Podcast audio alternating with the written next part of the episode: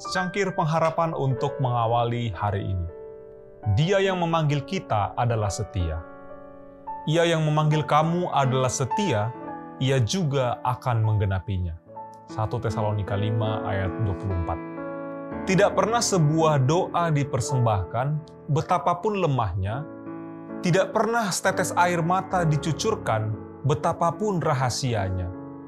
Tidak pernah suatu kerinduan yang ikhlas kepada Allah didambakan, betapapun lemahnya, Meskipun begitu, Roh Allah akan pergi menjemputnya.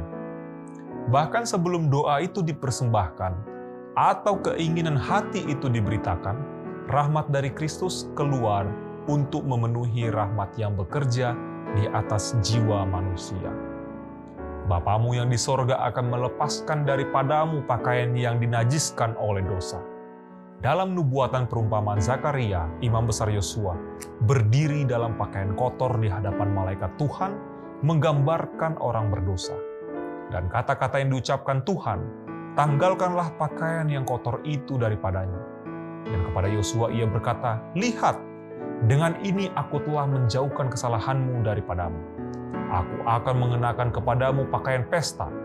Demikian juga Allah akan mengenakan kepadamu pakaian keselamatan dan menyelubungi engkau dengan jubah kebenaran.